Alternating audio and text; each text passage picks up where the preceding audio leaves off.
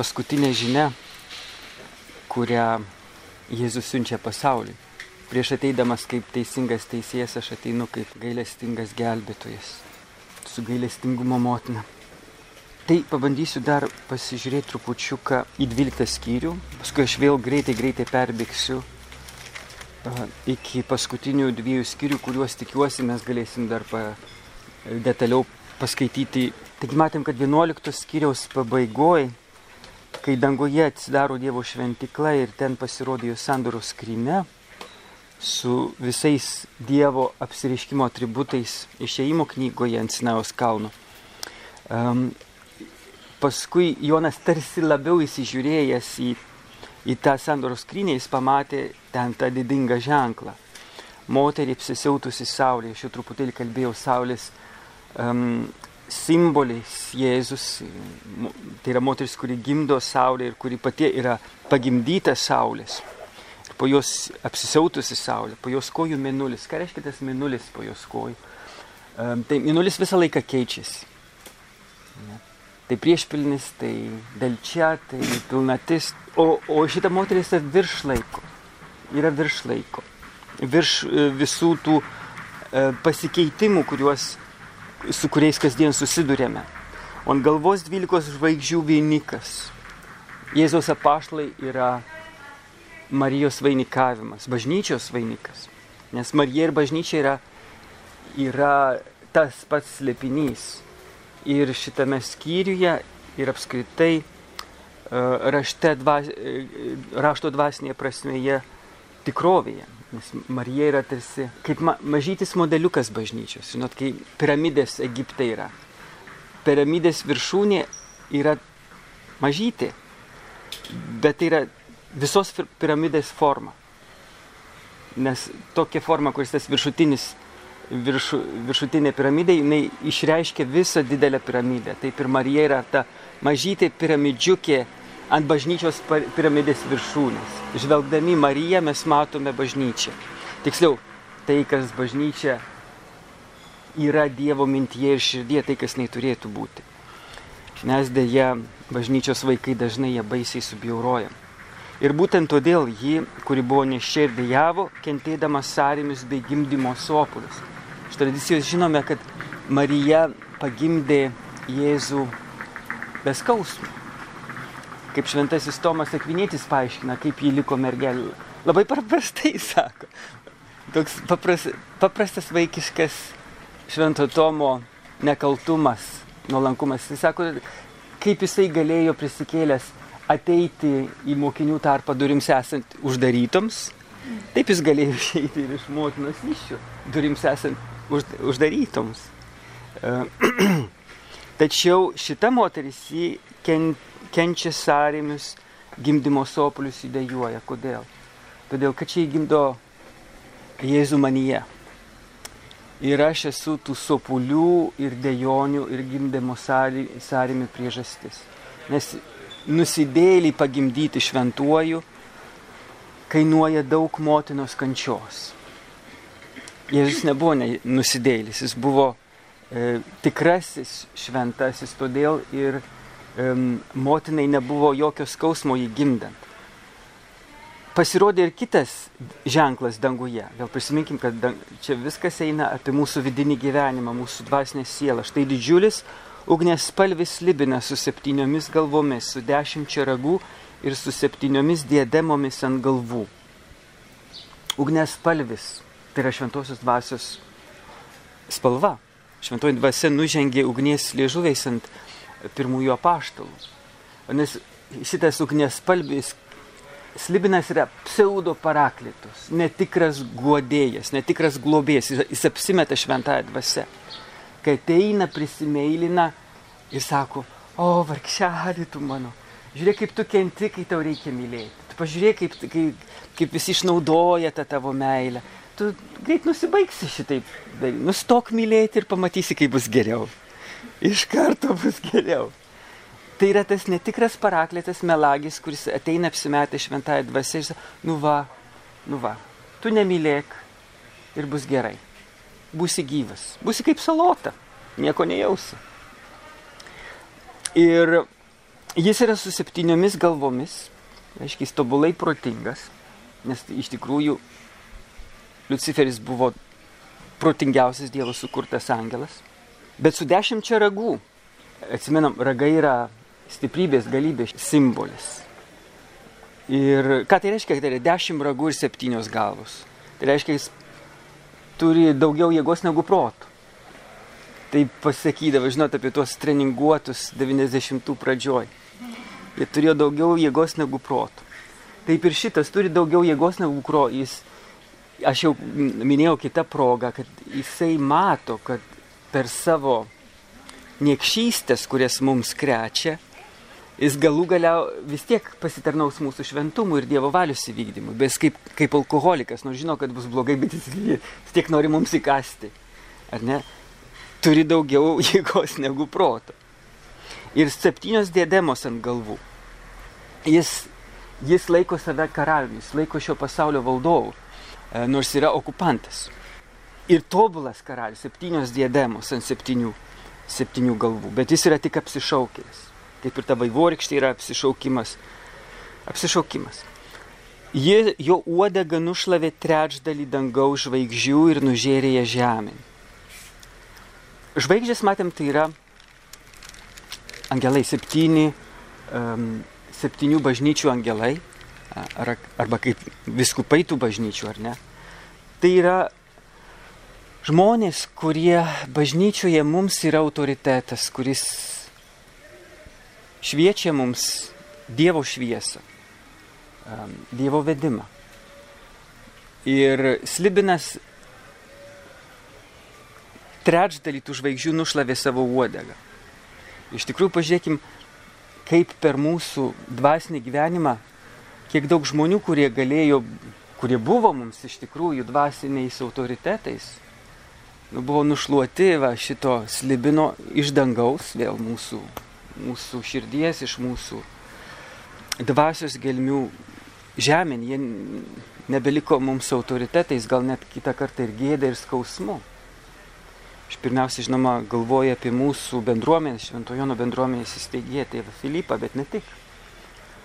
Nu, aš pasidalinsiu, kad mano, man didžiulį, didžiulį įtaką padarė mano atsivertimo laikais, kai man buvo 17-18 metų, 89-90 metai kunigas pranciškonas, buvęs kunigas pranciškonas Edmundas Atkočiūnas. Ir aš tik tai, kai buvau jau šventojo nuo brolių novicietė, sužinojau, kad jis ne tik kunigystę ir vienuolystę paliko, jis net paliko ir katalikų bažnyčią. Nu, tai va čia buvo pirmoji mano žvaigždutė nušluotas Libino uodega iš, iš mano dangaus. Ir tikrai tai buvo ne, ne vienas ir aš žinau, kad, dar, kad čia dar ne pabaiga. Čia dar ne pabaiga, bus daug, ir daugiau nušluotų. Nes, nu, va šitas slibinas yra parazitas, nu ką čia daugiau pasakysi. Slibinas tykodamas sustojo priešais moterį, kad jai pagimdžius prarytų kūdikį. Kas tas kūdikis? Kristus, ar ne? Marijos gimdomas. Bet man jie, Marija taip pat, kaip sakiau, gimdo Kristų, tame nusidėjėlyje įgimdo šventąjį. Arba kaip Marija, e, šventas Marija Grinjonas Monforietis sako, kad jinai yra kaip E, forma, kurioje atliejamas Kristaus atvaizdas. Aš esu, aš turiu būti kaip ištirpdytas, ta, ta ruda geležies gabalas, kuris aš esu, turi būti ištirpdyta e, meilės kaitra ir įlieta į šitą formą, kur yra Marija, kad man jie pasirodytų Kristaus, Kristaus atvaizdas, Kristaus veidas. Čia vėl mes kalbėjom apie auksą, kuris yra išgrinamas suknyje. Prisiminė man, Džeko Londono viena novelė apie auksų karštlygę um, Amerikoje.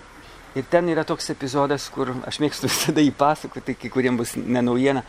E, toks epizodas, kai tokia moteris vakare ten sėdi prie laužo ir žiūri, kaip aukso ieškotojas vienas išdegina tuos gargažius iš, iš aukso, virš, virš ugnies laikydamas. Ir jinai sako, Kada tu žinai, kada ištraukti, nes jeigu per ilgai laikysi, tas auksas sutirps ir įkris į, ugnį ir vėl su pelenai susimašys, vėl jis bus ne, nešvarus, viską iš naujo reikia pradėti. Dar palaukti, kol atvės ir visą kitą. O jeigu per anksti ištrauksi, jis nebus, neišdegs viskas. Ir jisai sako, kai aš pradedu matyti savo veidą jame. Ir čia labai gražus yra toks palyginimas, kaip Jėzus mus išbandymų ugnyje čirškina va taip. Tol nei per daug, nei per mažai. Jeigu bus per mažai, aš nebūsiu nu, išgrynintas taip, kad galėčiau būti amžinoji meilės ugnyje Dieve. Jeigu per daug, nu, tai bus nuostolis. Ir Jėzaus akis visada, visada nukreiptos į mane, kai aš ypač tų išbandymų metu, kad būtų nei per daug, nei per mažai, tol, kol jis pamatys manyje savo veidą. Taigi, grįžtam atgal. Taigi Slibinas tykodamas sustojo priešais moterį, kad jai gimčius praeitų kūdikį, va tą va Dievo vaiką, apie kurį mes girdėjome pirmąją mūsų dieną čia Evangelijoje. Šitas šitono vaikas, šitona, pats šitonas iš tikrųjų mūsų širdys tykoja kaip praryti kūdikis. Vaizduojat, Slibinas ir kūdikis. Ką kūdikis gali prieš Slibiną? Ir jį pagimdė sūnų berniuką, kuriam skirta ganyti visas tautas geležinę lasdą. Tas tautas vėl galima simboliškai suprasti, kaip mūsų visas gyvybinės jėgas, kokios tik tai yra mūsų, mūsų kūne, mūsų sieloj, mūsų dvasiui. Ir jis, tas berniukas, jis turės visas valdyti, nes tai buvo Dievo sukurta. Pirmieji žmonės buvo pajėgus kaip karaliai valdyti visą savo e, būtį, savo aistras, polinkius, troškimus, jausmus, viską. Instinktus, jau nekalbant apie mintis, ar ne. O, o po nuopolio įvyko revoliucija, ne, bolševikinė revoliucija. Nebeįmanoma susitvarkyti su, su tom pagonių tautom, kurios mumise amžinai kovoja ir, ir nu, visa tai, kas vyksta pasaulyje, tarp tautų, vyksta mūsų širdį pagoniškų. Ir tada reikia visokių diplomatinių darybų ir, ir nebegali jisai taip imti ir įsakyti. Gali pabandyti įsakyti, bet tuoj vėl sukils ir, nu, ir nuvers protą nuo, nuo jo sosto. Bet šitam berniukui yra skirta ganyti visas tautas geležinė lasda. Prieš jį jos negali atsilaikyti. Kristus turi gražinti Dievo karalystę į mano širdį, į mano protą, į mano sielą, į mano jausmus, visą mano būtį. Kūdikis buvo paimtas pas Dievą prie jo sostų, ten giliai, giliai, giliai mano būties gelmėse, kur slibinas negali prilysti. O moteris pabėgo į dykumą, kur buvo jai dievo, dievo paruošta būstinė, kad tenai būtų maitinama 1260 dienų, kitaip sakant, 3 metus su pusė laiką, du laikus ir pusę laiko, nu vis tiek trys su pusė išeina galiausiai. Ir ką tai reiškia? Tai reiškia tą baisiausią žydų istorijos momentą, kuris buvo ne tada, kai e, Jeruzalės šventikla buvo išgriauta e, babiloniečių, Babi, Babilono karaliaus nebukadnecaro. Nes jie išgriovė tą šventyklą, bet ir toliau paliko ten tokį leisgyvį bet Izraelio dievo kultą. Jeigu skaitysim Barucho knygoje, pavyzdžiui, matysim, kad ir toliau vyksta, ir, ir, ir Jeremijo knygos pabaigoje, ten taip pat, kur istoriniai aprašymai yra, kas vyko toliau po žyd, žydų karalių, karalių didikų ir nu, visos Jeruzalės ištremimo. Ten toliau vyko labai toks apgailėtinas, mizernas, bet vis tiek e, Izraelio dievo kultas. Ir už tą Jeruzalės išgriovimą dar baisesnis, nepalyginti baisesnis dalykas buvo um, Makabijų laikais, kai karalius Antijochas pastatė ten, nu va, sunaikinimo pabaisą, ten į, įvairiai galima versti. Bet kitaip sakant, Dievo vieton pastatė stabą. Nu šito net babiloniečiai nedrįso daryti. O karalius Antijochas, jis, jis tiesiog, nu va, nus, padarė pačią didžiausią, kokią įmanoma įsivaizduoti žydų šventvagystę, Dievo vieton pastatė stabą. Ir tai truko 3,5 metų. Ir todėl e, apokalipsai, kai visą laiką grįžta tie ar tūkstantis, kiek čia jų, 260 dienų, ar du laikas, du laikai ir pusę, pusę laiko, tai vis yra nuoroda į šitą baisų laiką, kuris taip pat um, apokaliptinė prasme, prasme yra pranašystė to, kas bus laikų pabaigoje.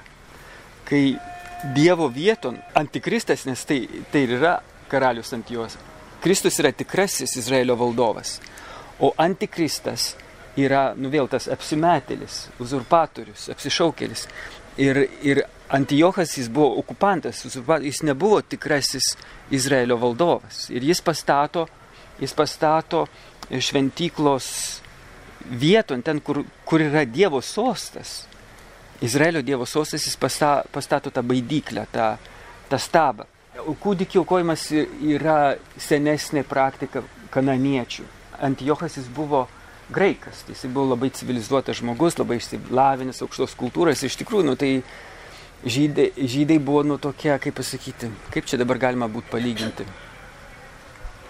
Nu, tokia primityvi kultūrinė prasme tauta palyginus su graikais, kuri, kuri buvo nužydinti civilizacija. Kaip sakytume, vakarų Europą su kokia nors vidurio Azijos šalim. Atrodo, čia tokia civilizacija, bet kaip jinai supuvusi iš vidaus. Tai panašiai yra, ir, buvo ir, ir graikų laikais. Jie, jie, tikrai buvo pranašesni kultūriškai, techniškai, technologiškai. Ne, net kalba yra žymiai tobulesnė, hebrajų kalba labai primityvi. Ir, ir, bet re, religinė prasme jie buvo supuvę. Tai buvo stabmeldžių tauta, nors ir labai rafinuota. Bet priemonės, kuriomis e, Antijochas norėjo civilizuoti visas jam palengtas tautas, nu, buvo iš tikrųjų barbariška, nes Makabėjų knygoje galim skaityti, kaip kokiomis priemonėmis jis bandė padaryti tą vieną tautą. Vėl prisimenam, šiandien yra puikus pavyzdžiai, kaip kitas barbaras bando padaryti vieną tautą pagal savo ideologiją. Tai va, tie 1260 e, metų yra tai baisiausių išbandymo laikas. E, konkrečiai mūsų tikėjimo išbandymo laikas, kai, kai Dievo vieton statomas iš išorės primetamas kažkoks stabas. Šita apokalipsė pildosi šiandien. Pildosi šiandien čia mano, mano širdį, nes tai yra svarbiausia.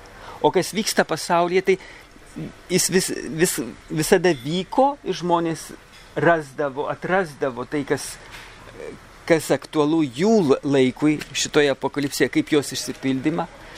Yra aiškintojų, kurie šiandien irgi tą atranda ir toliau, ir, ir dar bus nežinia, kiek dar tęsi šitas pasaulis, ir, ir ateinančiais laikais irgi žmonės atras kas dar skaitys, jeigu dar skaitys, ar ne, nes kaip Jėzus sako, aš žmogaus sunus atėjęs į žemę dar beras žemėje tikėjimą. E, bet man rodos, kad svarbiausia yra atpažinti tas apokaliptinės kovas ir įvykius, ženklus mūsų širdį.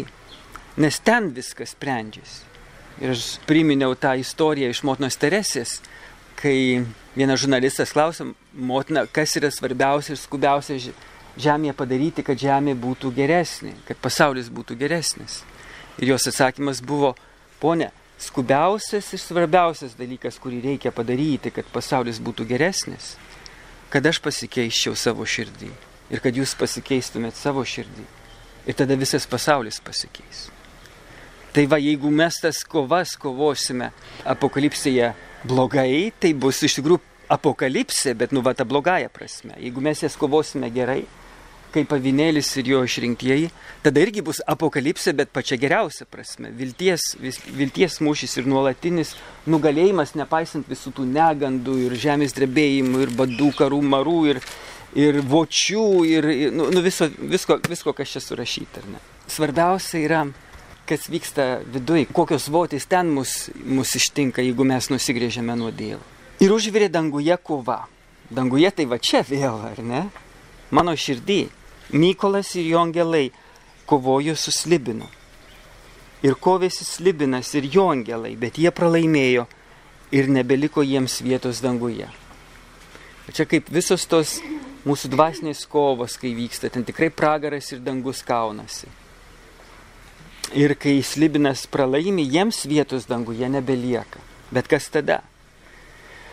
Tai buvo išmestas didysis Libinas, senoji gyvatė, vadinamas velnių ir šitonu, kuris suvedžiodavo visą pasaulį. Jis buvo išmestas žemėn ir kartu su juo buvo išmesti jo angelai. Slibina senoji gyvatė, velnės ir šitonas. Velnės e, graikiškai yra diabolos, tas, kuris pažodžiui būtų tas, kuris puola tau skersai kelio, kad tu nepraeitum. Ir šitonas yra priešininkas, hebrajiškai, nebe graikiškai. Ir jis buvo išmestas žemėn. O žemė mes matėm, tai yra šis fizinis pasaulis. Ir konkrečiai mano, vis, mano asmeninės visatos prasme tai yra mano, mano kūnas. Ir dar iš tikrųjų, kai vyksta didžiulės kovos, dvasiui, neišvengiamai, neišvengiamai tai atsiliepia ir mūsų kūnui. Laikui bėgant, mums senstant, nu ateina tas laikas, kai jis pradeda tampyti vervelės tam mūsų senstančiam kūnė su visom lygom ir negalim ir nepajėgumais.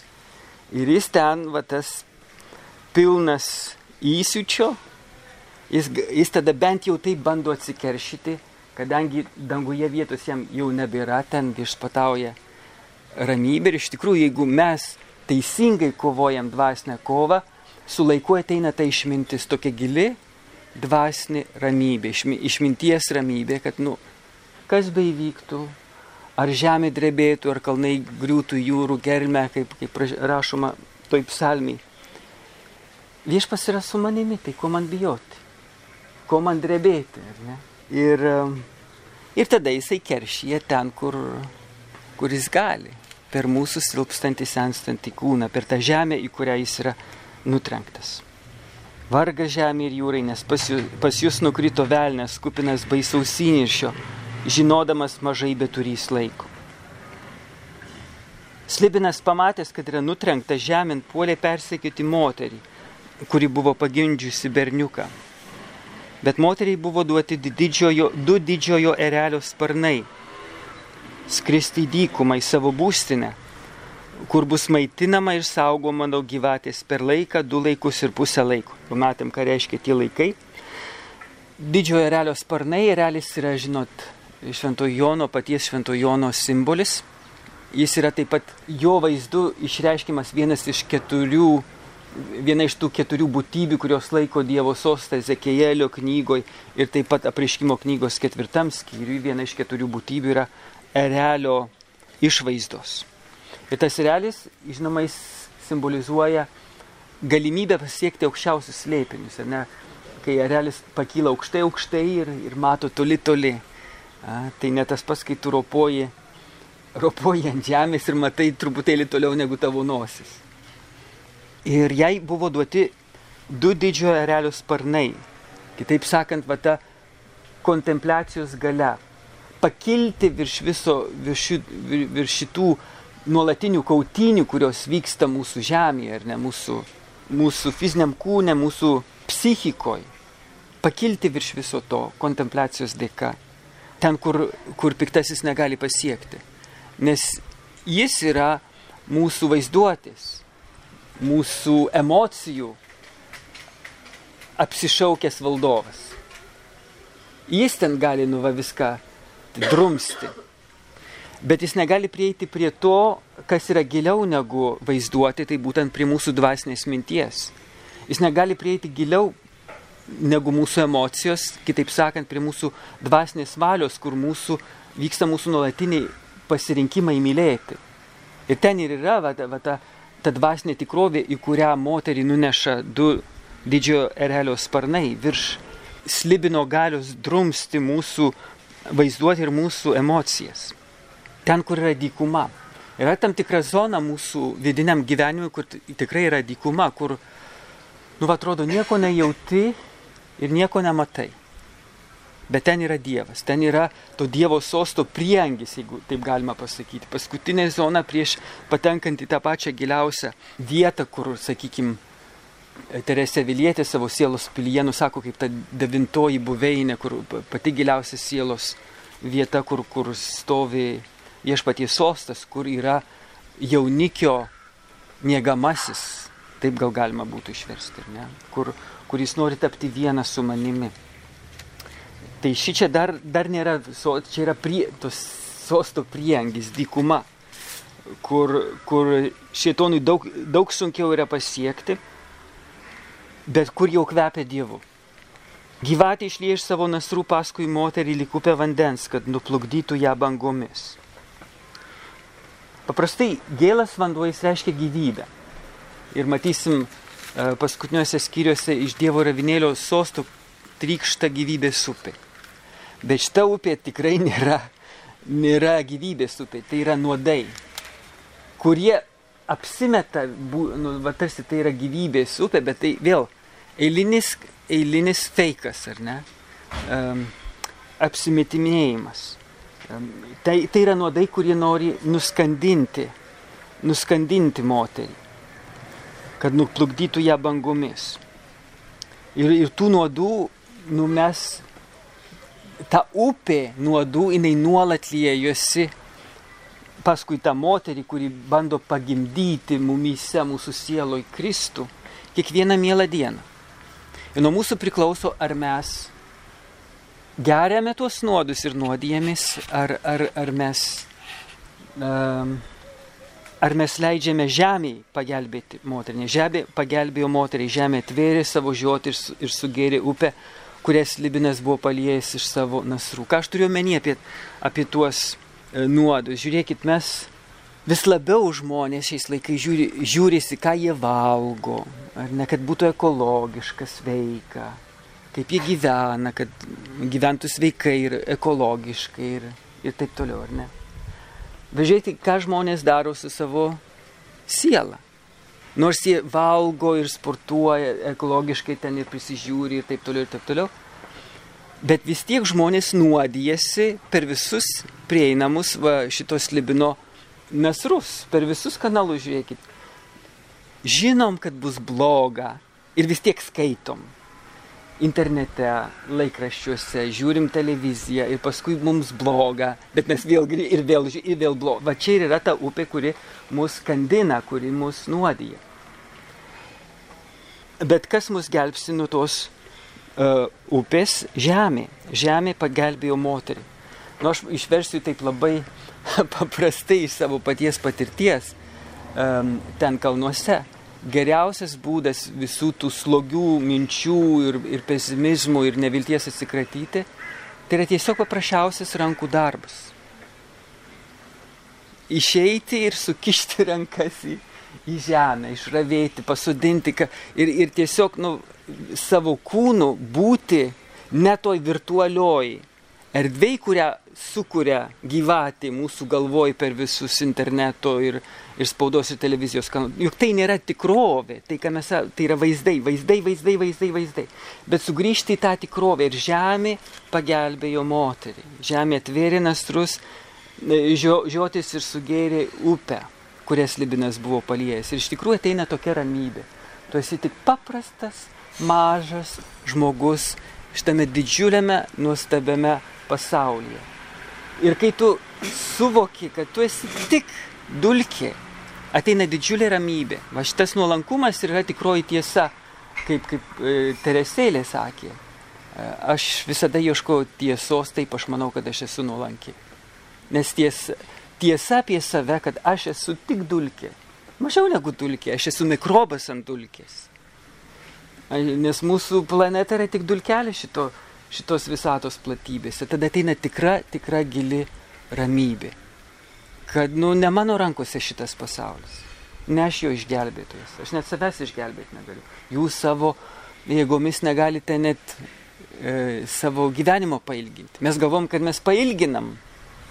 Viskas Dievo rankose.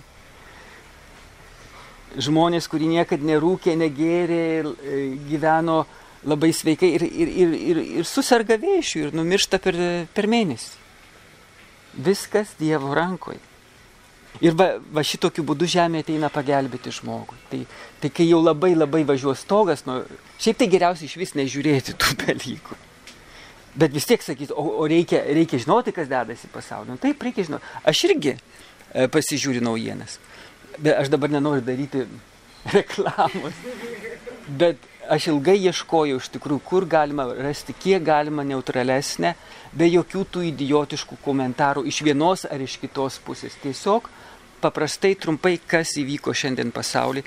Ir man atrodo, man pavyko surasti visai neblogą sprendimą. Yra Baltic News Service, jie išleidžia naujienlaiškį tokį. Paprastai tikrai aš turiu pripažinti, be tų visų ideologinių komentarų, viena eilutė, kas kur įvyko, svarbiausi dienos įvykiai. Ir jeigu ne tas karas, iki karo jie taip pat išleidžia ir savaitinį versiją, kur tik tai sekmadieniais, kas visą savaitę įvyktų. Aš perskaitau e, tą sekmadieninį naujienlaiškį per penkias minutės ir žinodavau, už ką aš turiu melstis. Ir be, jų, be jokių tų visų nervavimuose, kai skaitai žmonių, nu, bet tokius idiotiškus komentarus, kad nu tikrai piktą darosi, ar ne? Ir nuodijasi taip žmogus, va taip ir nuodijasi. Tai pirmiausia, žinoma, reikia va to ekologiško sveiko valgymo žiūrėti, kokią informaciją aš vartoju ir kokiais kiekiais. Reikia sveikai, saikingai šitą daryti. Ir, ne, ir, ir, ir svarbiausia, kad tai, kas gali mus išgelbėti, tai žemė. Grįžti, grįžti prie žemės. Tiesiog paprastai.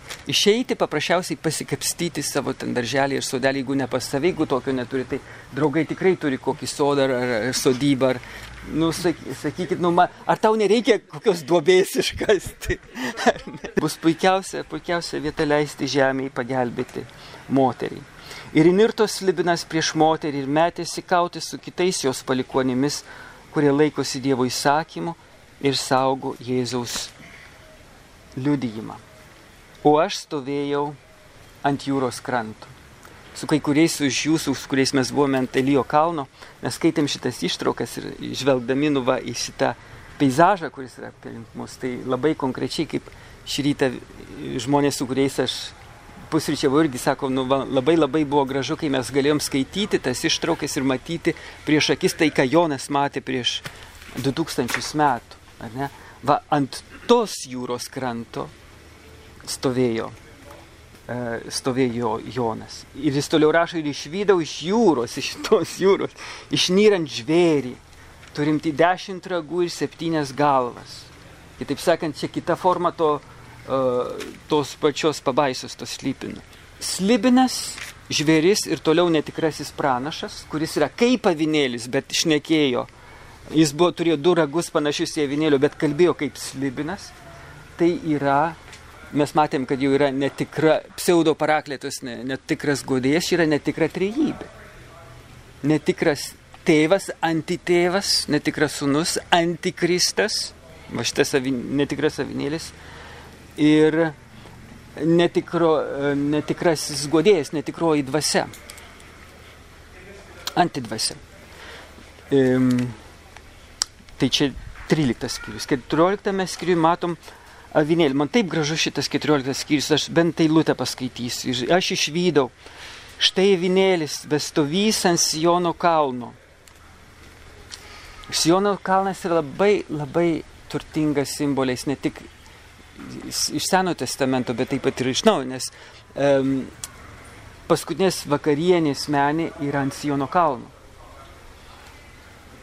Pagal tradiciją pirmieji mokiniai kartu su Marija e, ten laukė šventosios dvasios ir ten toliau gyveno pir, e, pirmaisiais metais po, po Jėzaus išėjimo į dangų. Ten pirmoji bendruomenė, apaštalai, mergelė Marija, mokiniai gyveno ant Siono kalno. Štai avinėlis bestovys ant Siono kalno, su, su juo 144 tūkstančiai palidovų turinčių jo ir jo tėvo vardus įrašytų savo kaktuose. Kitaip sakant, čia veikia ne visokie stabai, ar ne kurie sklinda per visus Libino nastrus. Čia įrašyta tik tai tėvo ir avinėlio vardas. Vadinasi, visos mano mintys, visi mano jausmai sukasi tik apie jį, tikrai mano visatos centrą. Ir aš išgirdau iš dangaus garsus tarsi didelių vandenų šniokštimą, gyvybės vandens krioklys ir tarsi galingo griaustinio dundėjimą vėl Dievo artumo ženklai. Garsai, kuriuos girdėjau, buvo tarytum arfininkų skambinančių arfomis. Iš tikrųjų reikėtų verstis, versti arfininkų arfuojančių arfomis, nes graikiškai taip yra kitaristos, kitarisantis e, konkiteras. Reiškia, arfininkai arfuojantis arfomis labai, labai gražiai skamba. Jie gėdojo naują giesmę priešai sostą keturias būtybės ir vyresniuosius ir niekas negalėjo išmokti tos giesmės, išskyrus tuos 144 tūkstančius atpirktus iš žemės. Kodėl? todėl kad tai yra meilės giesmė. Ir e, tik tai tas, kuris myli, te moka tokią giesmę gėdoti. Jeigu tu ne, nemyli, tavo širdis, nu, karksės kaip sena varna, o ne, o ne, o ne kaip šita meilės lakštingala. Tai tie, kurie nesusitepia su moterimis, nes jie mergelis. Vėl čia yra pirmiausia dvasinė prasme.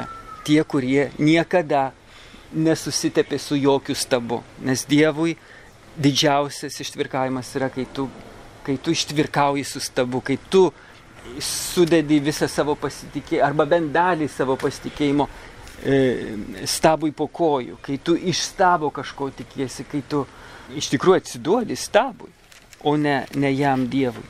Tai tie, kurie nesusitepė su moterimis, nes jie mergelės. Jie lydė vinėlį, kur tik jis eina. Kodėl? Todėl, kad meilė jūs traukia paskui vinėlį. Jie yra atpirkti žmonijos, pirmienos Dievui yra vinėliui. Jų lūpose nerasta melo, jie bedėmės. Man tokie gražus tie žodžiai. E, nes tai yra mūsų ateitis. Mūsų ateitis. Prašykime viešpaties šitos ištikimybės sekti avinėlį visur, kur tik jis eina. Net jeigu ir nežinom, ar esam iš tų 144 tūkstančių ar ne.